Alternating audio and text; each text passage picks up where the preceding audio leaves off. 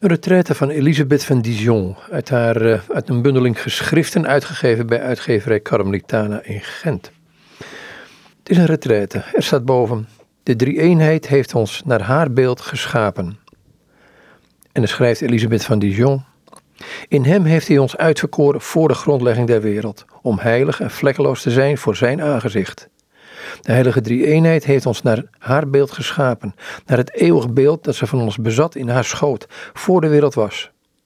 In dit begin zonder begin, waarover Bossuet spreekt, Sint Jan nazeggend, in principio erat verbum, in het begin was het woord, en je kan eraan toevoegen, in het begin was er niets.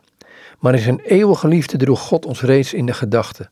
Doordat de Almachtige Vader in de grond van zijn vruchtbaarheid zichzelf volkomen begrepen heeft, is de Zoon, het eeuwig woord van de Vader, uitgegaan als een tweede persoon in de Godheid.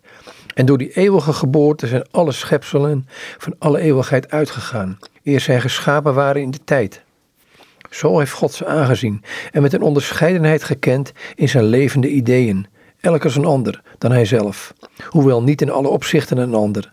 Want al wat in God is, is God. Dit eeuwig uitgaan in dit eeuwig leven dat wij van alle eeuwigheid in God bezitten en zijn zonder onszelf, is een oorspronkelijke oorzaak van ons in de tijd geschapen bestaan. En ons geschapen wezen hangt in het eeuwig wezen en is er één mede naar het wezenlijk zijn. Het woord, de heerlijkheid van de Vader, is het eeuwig oerbeeld waarop alle schepselen op de scheppingsdag gebeeld zijn.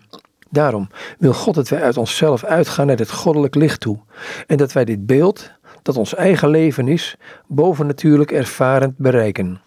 Deze beschouwing opent onverhoopte horizonten. Je bezit in zekere zin reeds de verlangde kroon. Heel de rijkdom die in God van nature is, bezitten wij door de liefde in God en God in ons. Dankzij deze onmetelijke minne worden wij getrokken in de diepte van het intieme sanctuarium, waar God in ons het beeld van zijn majesteit drukt. Dankzij de liefde en door de liefde, zoals de apostel zegt, zijn we dus heilig en vlekkeloos voor Gods aangezicht.